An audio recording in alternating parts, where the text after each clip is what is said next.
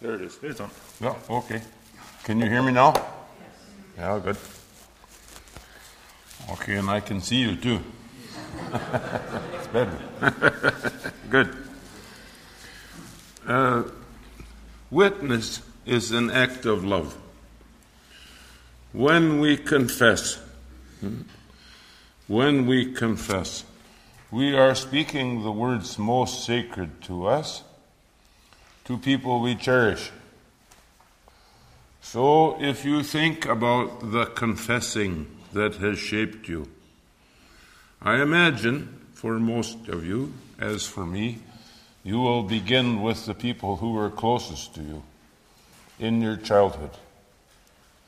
So, when I think of the word confessing, I think of my dearly beloved grandma. Hmm? She lived in a little house, she and my grandpa, Arnie and Helma Vinji, on the border of Canada with the U.S. It was beastly cold, um, oftentimes minus 30 and minus 40. Um, there was no insulation in the house, a big furnace in the basement, and a big cook stove in the kitchen that was always burning coal, faster than you can imagine coal would ever burn. We didn't know whether we got warm from carrying that coal or from burning it. It was so such poor coal, but we Grandma's kitchen was always warm, and it was there, huh? That I learned the stories of the faith from her. And so when I hear the stories of the faith, when I hear confessions, I think of her. Or I think of my great grandfather sitting in the big horsehair chair, spitting tobacco at the stove and telling me about Abraham and Isaac and Jacob. Huh? Words of love spoken by those who love us. And so you too, when you think of of hearing the words of the gospel, of hearing you think of people who cherished you.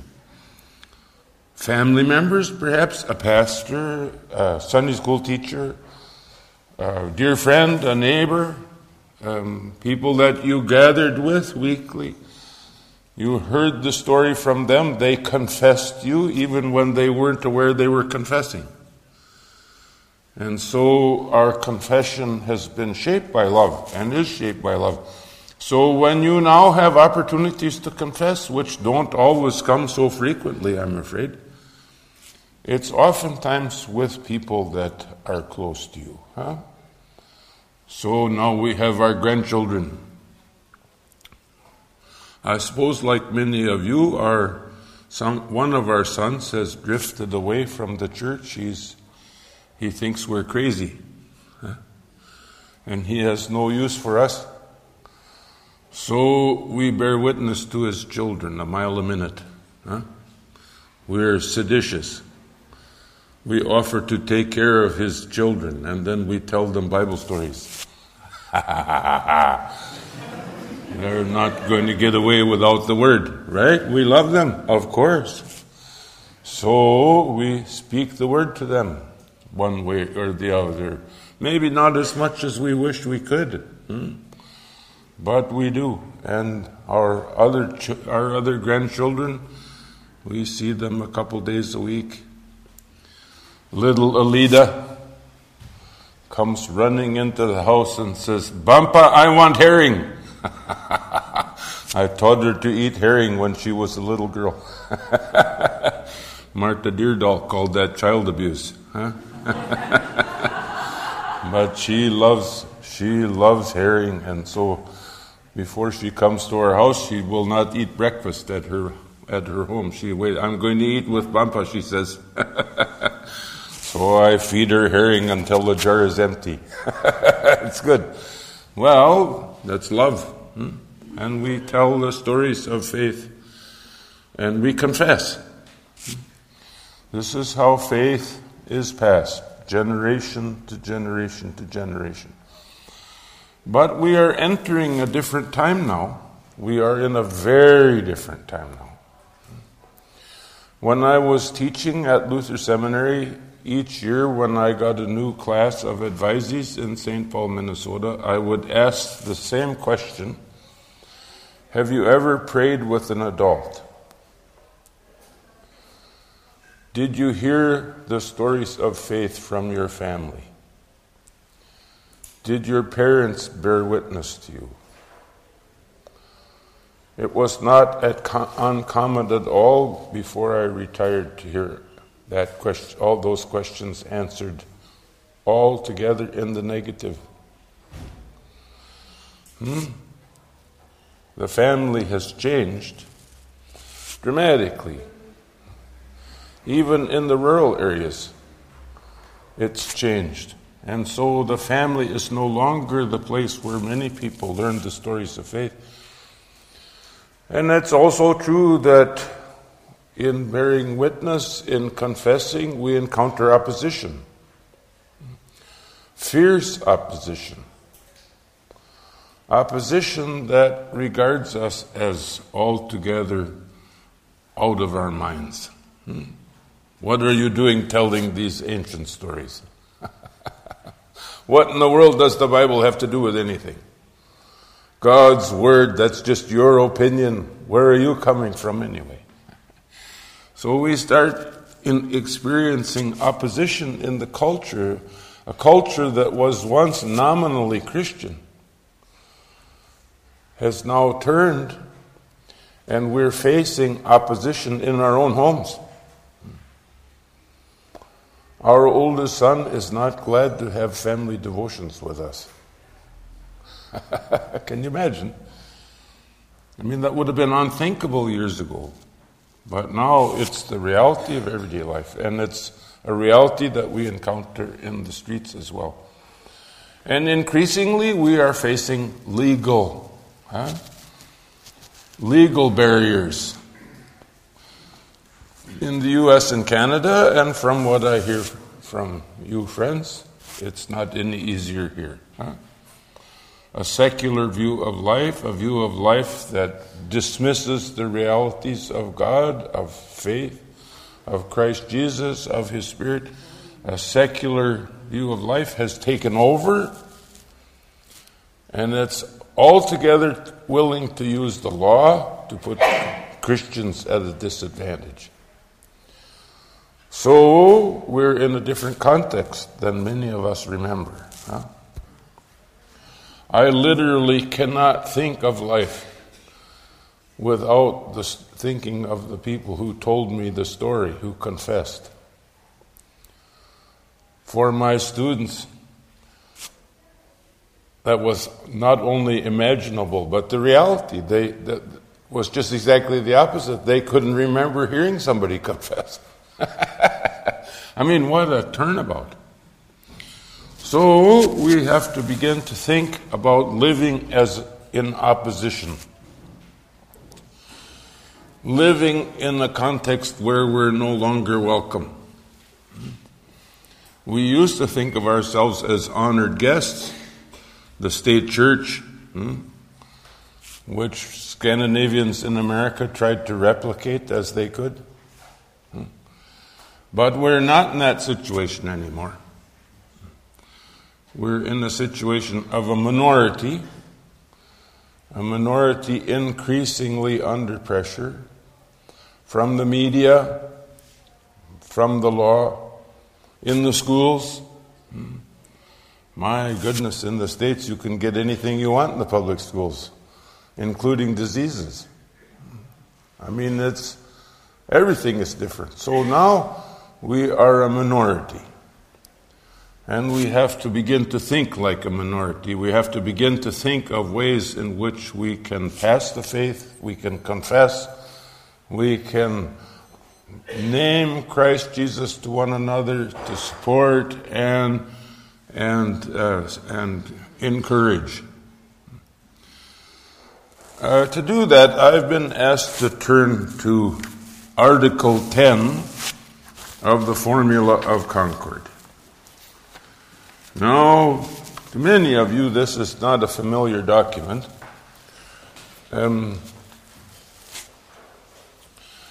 when the Lutheran confessions were edited together in the 1570s.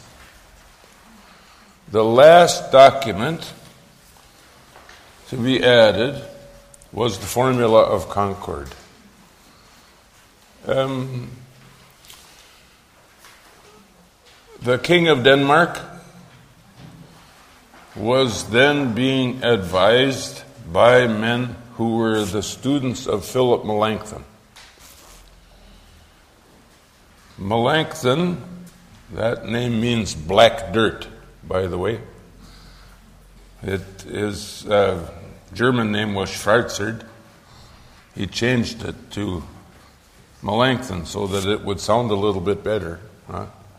It's still just about impossible for students of English to spell. It has two H's. And I used to give extra penalties to students who left out an H. Huh? You can't steal H's from Melanchthon. My name has three N's in it. And in the States, people are always trying to steal one of my ends. You'd think I had an exotic name or something. As soon as I come to Norway or to Germany or to Denmark or even to the Netherlands, everybody knows how to say it and everybody can spell it. But in the States, I'm an exotic species. Huh? collectible, right? So you can't take away one of Melanchthon's H's. Black dirt. Anyway, he wanted, he was a compromiser. And he insisted on compromise. Some people are so tolerant that they're intolerant of anybody else who isn't as tolerant as they are. And that was Melanchthon. He he was hostile towards people who wouldn't compromise or wanted uh, wouldn't compromise. And so he didn't like the formula of Concord, and uh, he died while it was being edited. But he, you know, his students were objected to it, and they convinced the king of Denmark not to accept the formula of Concord. And because the king of Denmark was then, of course, in charge of Norway, I always think this is a bad habit that the Danes have. They think they should rule Norway. Hmm? I mean, thank goodness not anymore, right? But, but the, but the, the uh, king of Denmark uh, decided that the formula of Concord would not apply in Norway. And so Norway is the Norwegians and the Norwegian church, the Danes and the Danish church, we're missing this document from the Book of Concord. Um, it's a very helpful one, and members of those of you who have connections with the Lutheran Church Missouri Synod uh, will recognize that this is a very important document in Missouri. In fact, in some ways, the most important of the Lutheran confessions. So we um, we're going to use it today, even though it has this different standing because at this point the formula of Concord is extremely helpful. This is one of the things that the people who wrote this document did best, because they themselves had been in the situation that we are now in. They had been in a situation where they had to resist, where they could not be friends with the culture. This is what happened Charles V, the Holy Roman Emperor, in, 60, in uh, 1547 48, finally defeated the Lutherans. Luther died in 1546 through a terrible combination of events the Lutherans were left vulnerable to Charles V. He invaded, sent his Spanish troops across Germany. They came right across Catherine von Bora's farm. They came, they said, to teach the Germans to speak Spanish. They were going to make it part of Southern Europe, and they were going to make it officially Catholic. And that's what Charles V attempted to enforce Catholicism in the Lutheran countries. So now After some years of freedom, the Lutherans were in a position where they were forced to submit. Melanchthon is remembered somewhat ambivalently, we say, because he counseled compromise. He urged the Lutherans to accept Charles V's rule. But there was a great Croatian whose name was Matthias Flacius Illyricus. F L A C I U S. Flacius. Some say Flacius. Flacius. He was a brilliant man. Um, he also loved more than anything else to fight. I am told by friends from Croatia that this is characteristic of the Croatian culture that that they love to argue and will continue to argue late into the night and the following morning. Uh, um, Flacius was like this. He, he never found an opinion that he didn't want to correct. Huh? And if you fought back, he liked it. I had a boss like this. He, he wouldn't respect you if you didn't fight with him. And he, wasn't happy until he won. so you lost both ways, you know. Flacius, he, um, I love him. He, I mean, he was the kind of person that would walk in and say, How wrong are you about this? I always say he was not a Norwegian American. We say in the States that you can always tell a Norwegian extrovert. He's the one who's looking at your shoes while you're talking to him. I mean, that's, um, you know, we we're not like this. We don't like arguments, but he is like the Italians and like the Croatians. He, he keeps the world in an uproar all around him. And he, he, was, he was absolutely brilliant. He wrote a 10 volume history of the church. He figures in the history of, the, of music. He had a manuscript of the Carmina Burana that he took care of. He, I mean, he's just always into something. And he wrote a great commentary on all of Scripture called the Clavis Scriptorum. I have a copy of it. It was given, given to me by my teacher, Herman Preus. And it's one of my proudest possessions. It's a vellum, it's bound in pigskin. It's about this tall and about this wide and about that thick. Takes up a bookshelf all by itself. it's wonderful. So here is a commentary, the key to all of Scripture. So he's, he's fun and interesting. Um, had come to Wittenberg and become a student of Melanchthon's, but Luther had become his pastor. He was troubled by depression. And Luther was very good at caring for people with depression. And, Melanch- and, and uh, Flacius loved Luther because Luther was the one person who could help him when he was in despair. And so they became, he was closer to Luther and he his personality and his theology, he tended to follow Luther instead of Melanchthon, and he, he got into one big fight after another with Melanchthon. Melanchthon always complained about the rabies of the theologians. you know, I mean, they were always biting him and infecting him. So, um, Flacius and Melanchthon got into a big fight about compromise. Melanchthon wanted to compromise with the emperor and submit to the emperor. And Flacius insisted that the church had to stand firm. This is fairly typical hmm, uh, for peoples who are under oppression. Carolyn and I, in the spring, go to China, where we teach at the university in Wuhan. We're missionaries there. And we go over for weeks at a time to serve the churches. There are two churches in China. One is the officially approved church,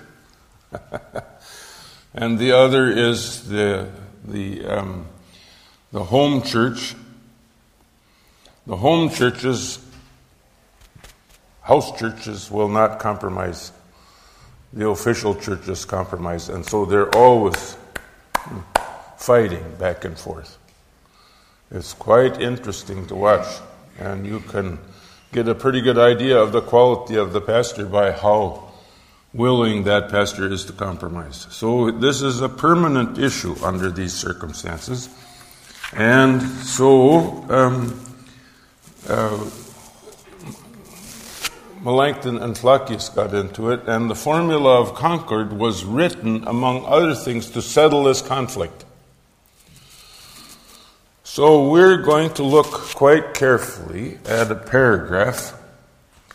It's a fairly long paragraph, but I'll guarantee you we're going to get done.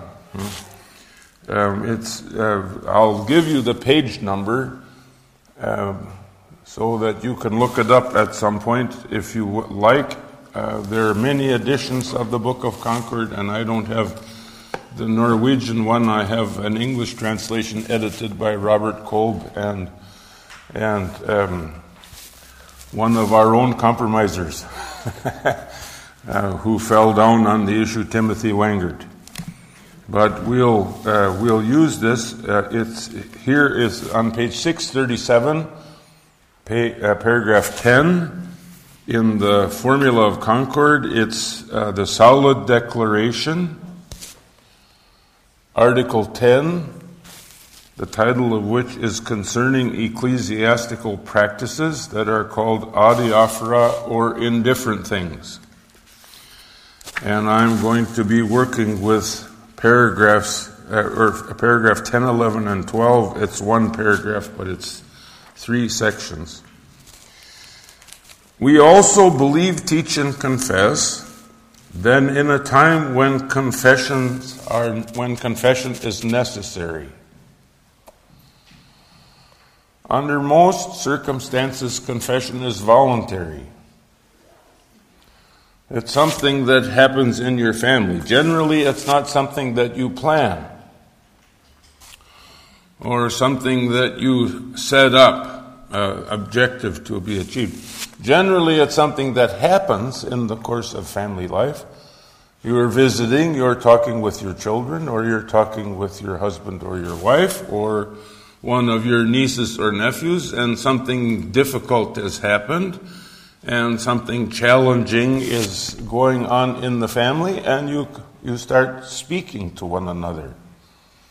Words of comfort, or words of encouragement, or words of hope. So, for instance, when a parent dies, when the parent of your spouse dies, then you know there is distress and sorrow and pain.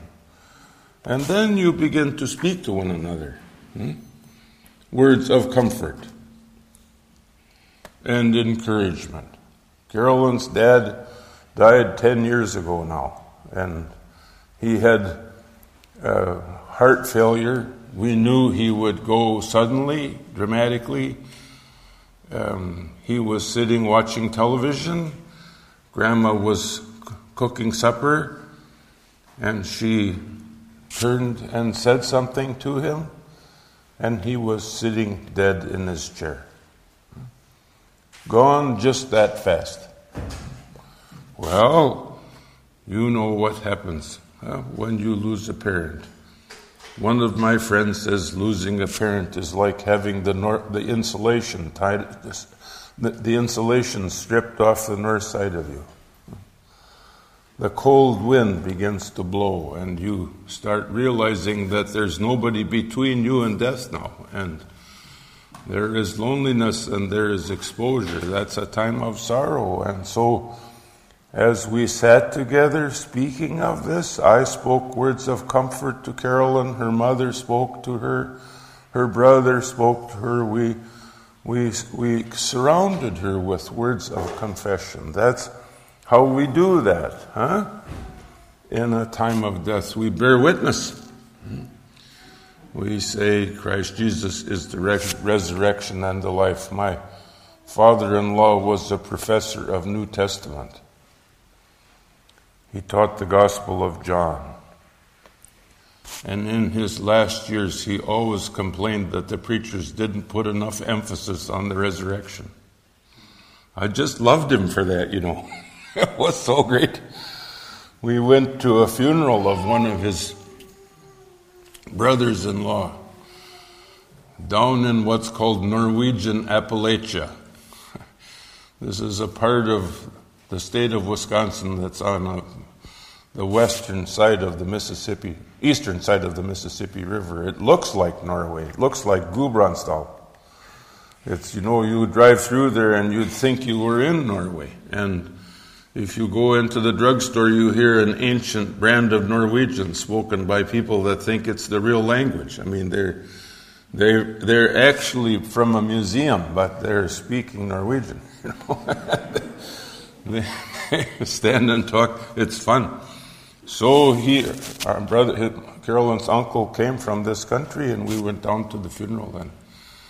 And we we went in when we were driving down. Grandpa said, "The pastor is young.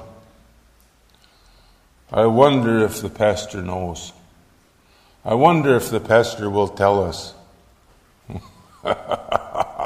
well, I knew the pastor. I was pretty sure. But I wasn't going to bet on it either. You know what happens to young pastors sometimes. So, so we came in. It was a beautiful day. You know, snowy, uh, wind, cold, uh, but bright. And we came into the church, and the church was warm and cozy, and the casket was standing in front, and the pastor came out put a hand on the casket and said, Naughton Sandvik was baptized into Christ Jesus. So we come in the sure and certain hope of the resurrection. Christ has raised him from the dead. Grandpa grabbed my leg. There, he said. There! Well, this is our hope, you see. And so we comfort one another in these circumstances. We, we speak the word and confess. But there are some circumstances, as I said, where this confession is unwelcome. And in such circumstances, we don't necessarily stop confessing. Rather, the argument is confession is demanded of us. It's not an alternative anymore. It's not an option. It's not something we can do if we want to. We're in a circumstance where we must confess. We must say. Now, those of you who are old enough to remember uncles and aunts and parents from the Second World War can remember when Norway and Denmark, huh, and uh, to some extent Sweden also, were in the position of being forced to confess. You didn't have an alternative. One of my friends in the States is a Dansker, and he, he was denied admission to the Danish army when, when, at the beginning of the Second World War, and by the end of the war, he was a commander in the Danish army. he, he rose through the underground, blowing up trains. He was good at it. He said, I can blow up a train about as efficiently as anyone can, and sometimes I think of that while I'm at church. I mean, he was, he was required to resist by circumstances. You, so you know that this is, this is not far away from your memory. if you don't remember it, you know people, you remember people who remembered it.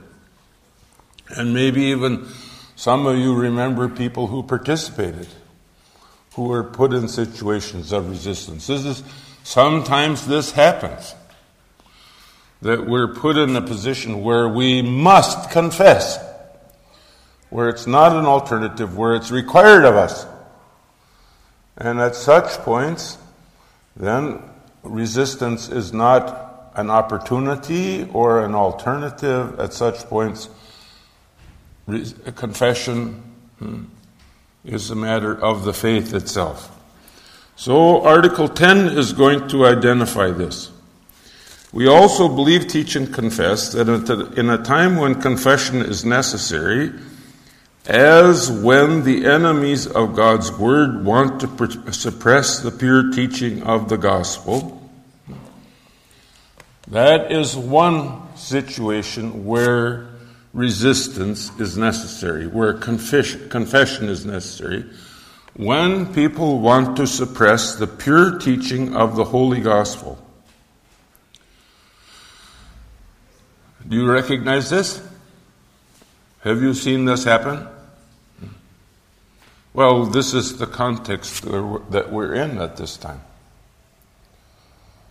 Where faculties and where uh, other pastors regard the gospel as the opinion of a pious pastor, or regard the gospel as one alternative among very many, or think of the gospel as addressing a personal need, or think of the gospel as an old habit of mine that we should get over.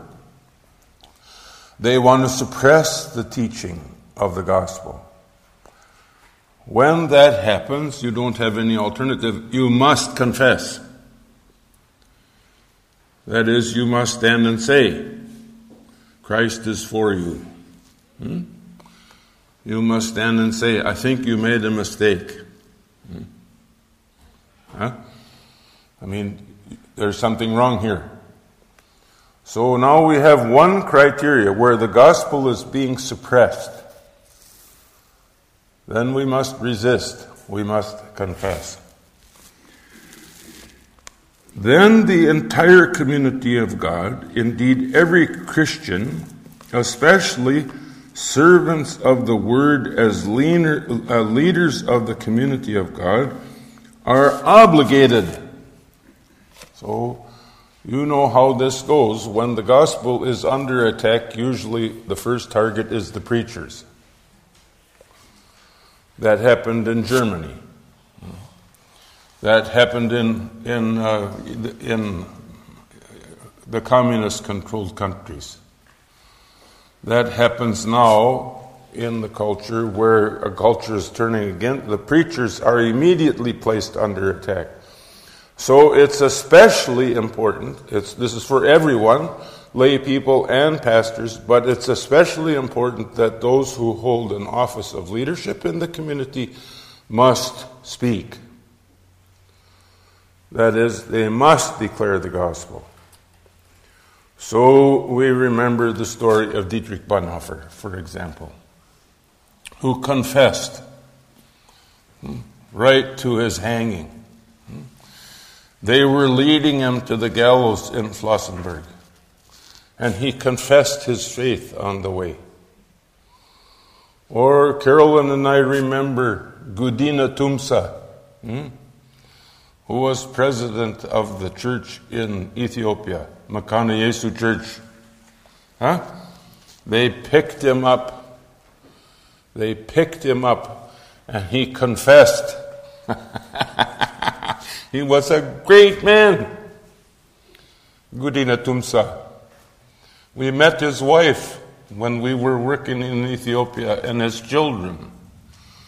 And they spoke with joy of their father's martyrdom.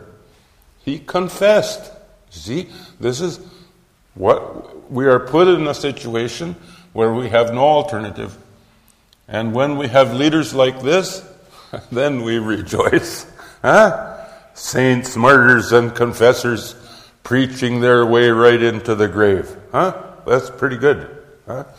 I mean, that's what we love. So they have they're under un, are obligated to confess true teaching and everything that pertains to the whole of religion freely and publicly.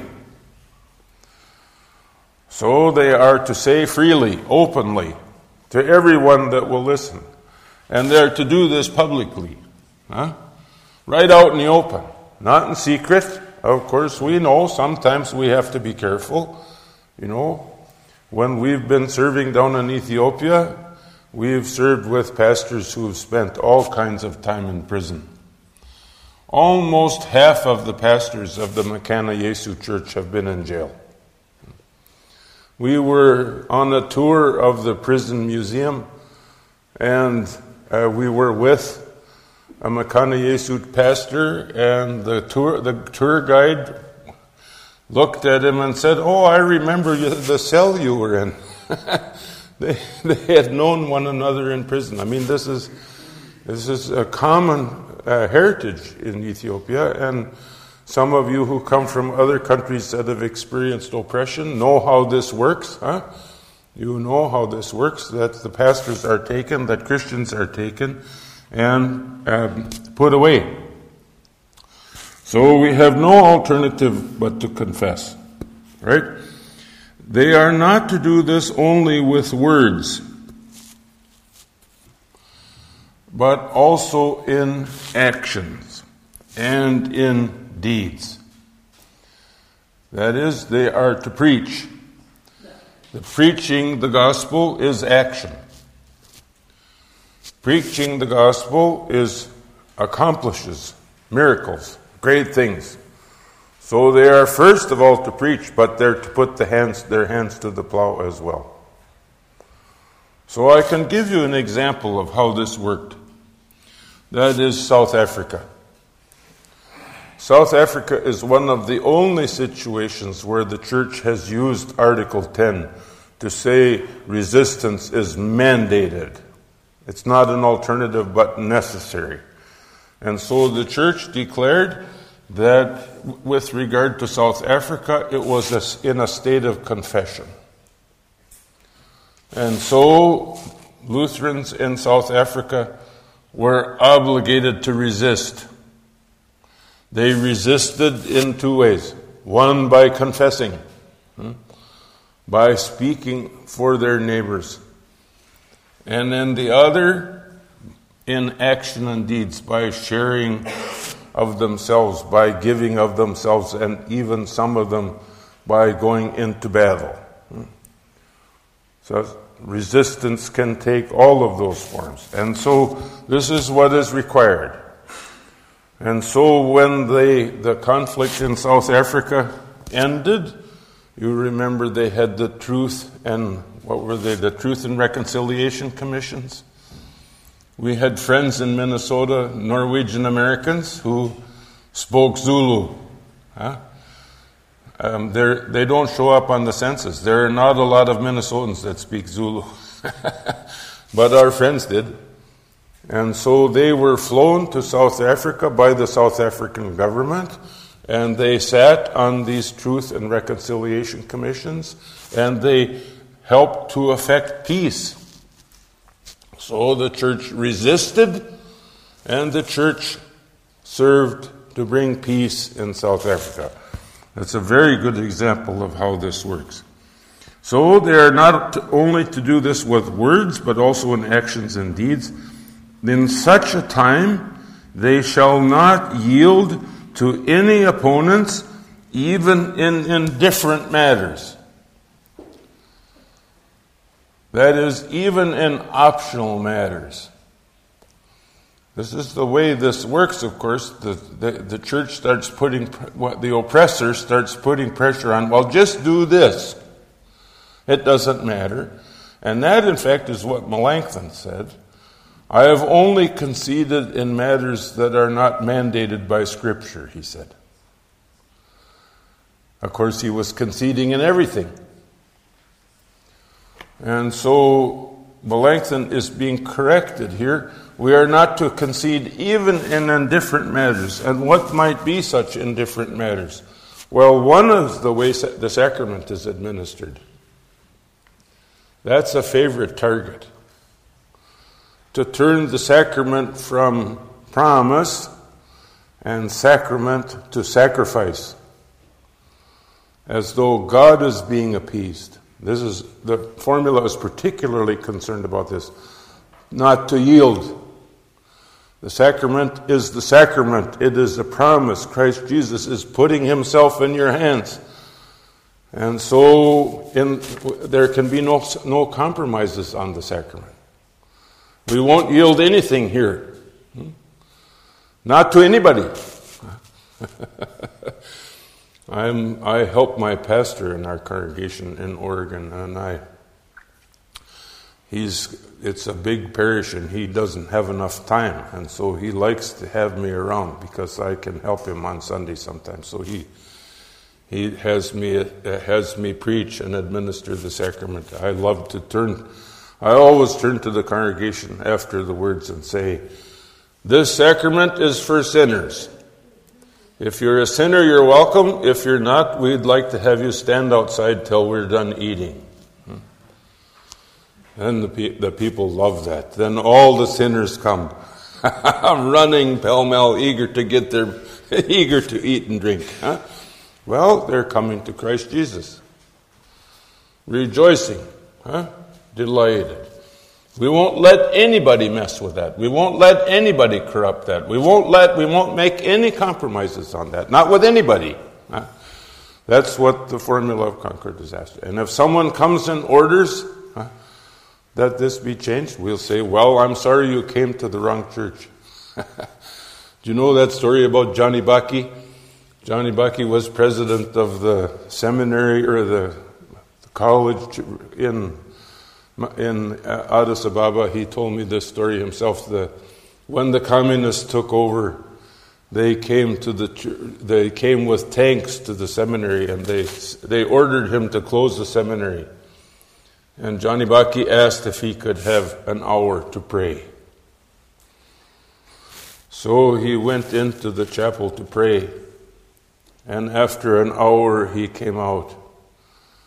And the soldiers were standing waiting for him. And the commander of the soldiers came and said, I'm sorry we've made a mistake. I, have been, I've received instructions that we went to the wrong seminary. We're leaving to go someplace else. Johnny Bakke literally prayed those people right away from the seminary. I mean, that's, that's resistance, you know? That, and that's wonderful. So, they are to do this not only but words with they must not yield to opponents even in indifferent matters nor shall they permit the imposition of such indifferent matters by opponents who use violence or chicanery That's one of the sure signs is the use of coercion. When you're telling the truth, you can set the truth out right in front of everybody, plain as day. But when you're telling a lie, you have to use force to enforce it. Once I was listening to National Public Radio in the U.S., they interviewed a, a, public relations agent from New Orleans. She said, I always advise my clients to tell the truth because it's easier to remember. you know? I mean, Luther used to say, liars have to have a good memory. No, because when you're dependent, you're, when you're lying, you have to you have to remember the lie you told, so you just you don't get caught. and so, when people lie, then they want to use force to enforce it, and then resistance is required. Um, in such a time, they are not to yield to the opponent even in indifferent matters nor shall they permit the imposition of such adiaphora by people who use violence or chicanery in such a way as to undermine the true worship of God or to introduce or confirm idolatry. The first commandment is always the most important. You shall have no other God before me. What does this mean? We are to fear, love, and trust God above anything else. Thus, you know right away that there's trouble when the first commandment is broken. Unfortunately, we are now in another season of um, presidential elections in the U.S. This is a hateful thing. It goes on forever, and it's full of stupidity. So you, I mean, we barely dare to turn on the radio because all these fools are on parade. and they break the first commandment a mile a minute. Hmm? Every one of them, huh? they stand up and say, We will give you a generation of peace. Who does that? Well, that's God's work. That's not a politician's work. Or we're going to eliminate poverty. Well, that's God's work. That's not a politician's work. You can tell what's going on just by listening to the first commandment. I mean, something's gone wrong. And so, in such a case, don't, I mean, we just turn off the radio. I can't stand it. As it is written in Galatians 5, for freedom Christ has set us free. Stand firm, therefore, and do not begin, do not submit again to the yoke of slavery. But because of false believers secretly brought in who slipped in to spy on the freedom we have in Christ Jesus so that they might enslave us, we did not submit to them even for a moment so that the truth of the gospel might always remain with you. So here we've got three criterion now. One is the first commandment. One is Christian freedom. And the third is the use of coercion. If you see any one of these three, you should be alert. Right? If you see the first commandment being broken, then something should stir in you. Something should say, I think something funny's here. I smell something. It's not uh, gammelost either. It's, I mean, this is not even cheese. This is, this is, this is bad stuff. When the first commandment is broken, then you should be, then when somebody says, well, you must or you have to, you can't do anything else, then your freedom is being taken away. And then also you should get suspicious. And the third thing is the use of force. So, in what used to be my church in America, we were told the scripture is ambiguous. the constitution of the church is clear, but the scriptures ambiguous. Do you smell cheese? You know, I, I smell a bull someplace. Huh? This is not, when the scripture is described as ambiguous, what's happening? Somebody's fooling with something, right? So, first of all, we were told the Bible is ambiguous, and then, but the Constitution is clear. So we have to vote on what the Scripture says. Can you imagine? A church voting on what the Scripture says. I mean, who's in charge here? Who's in charge here? How does that go? Do we vote on the Bible? Ridiculous. And then finally we were told, well, those of you who lose will respect you anyway. And of course, all of us were thrown out. Huh? I mean, they said, well, we'll respect your, your convictions. well, when we woke up in the morning, our convictions were gone. They broke them. And we had been put out. So this is, this is quite practical. We're talking about how this actually works. The first commandment was broken. Christian freedom. I mean, in the name of Christian freedom, they introduce sexual practices that the Bible itself declares out of, off limits. Huh? And in the name of of, uh, of, of their votes, they overpowered the minority and pushed us right out. Well, what do we do in such circumstances? We resist in word and in deed. In word and in deed. So the bishop came to my house before we left complaining that I have other loyalties. Carolyn asked them to leave. was great. Right? We're not going to submit to this. Of course not. I mean, we believe in Christ Jesus and His Word. And so we have no alternative under circumstances but to leave, but to, but to resist. And so, for freedom, Christ has set us free. But because uh, uh, Paul speaks in the same place of circumcision, which was at that time a free and indifferent matter, and which in spiritual freedom he employed in other circumstances. However, when the false apostles demanded circumcision in order to confirm their false teaching, as if the works of the law were necessary for righteousness and salvation, and thus misused it, Paul said that he did not want to give in to them for a moment, so that the truth of the gospel might always remain. So we have three criterion for recognizing a time of confession. Now, one more thing, and then we'll be done. Um, how do we resist? And where do we resist? Certainly, we resist, first of all, in word.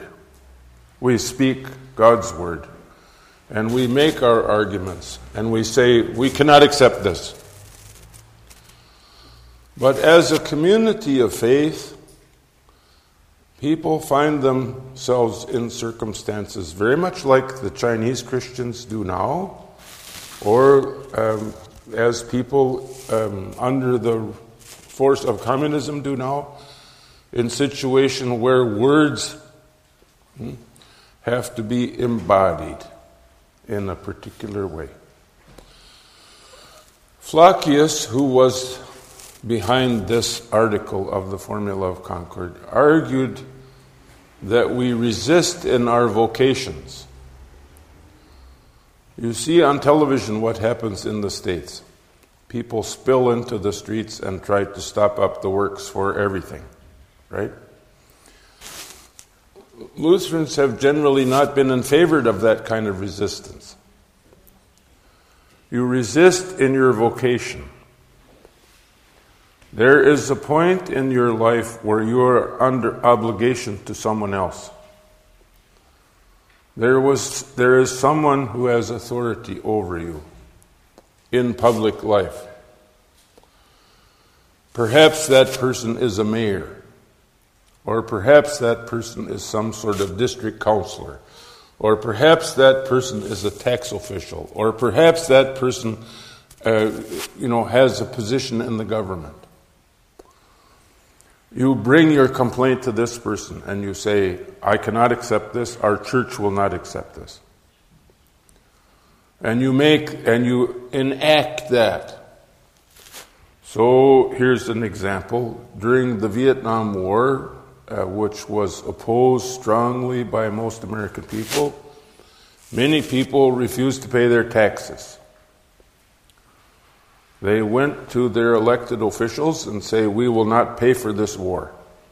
Some of them were imprisoned for refusing to pay their taxes. You have to take the consequences. You have to take the consequences of resistance. But the resistance indicated, and the, the resistance wore away the support for the war until finally the American government had to withdraw. It was successful. That's the kind of resistance that the formula of Concord is thinking of. So you remember people in Norway who resisted. I have, I have read all kinds of stories of these people who stood up in the face of the Nazis and refused to submit, and who found various ways. My cousins in Trondheim or Trondheim as it's pronounced now. We still say it the old way. That my cousins um, uh, used to sell pails of fish heads to the Nazis that they had prepared particularly for their enjoyment. they didn't ever survive the meal. I mean, there's, there's forms of resistance that are appropriate. And when in warfare, of course, that may involve the loss of life. But um, it may appear futile, it may appear helpless, but this resistance in God's name has the power of God behind it, and so in the end, we're confident it will prevail. So we'll, we'll have time in the panel discussion to ask questions, huh? I'm sure, I hope you have some today, right? If you don't have questions today, I'm going to feel very bad. And I might resist you tonight by refusing to lecture after supper. no, no, no, no, no. Okay, thanks.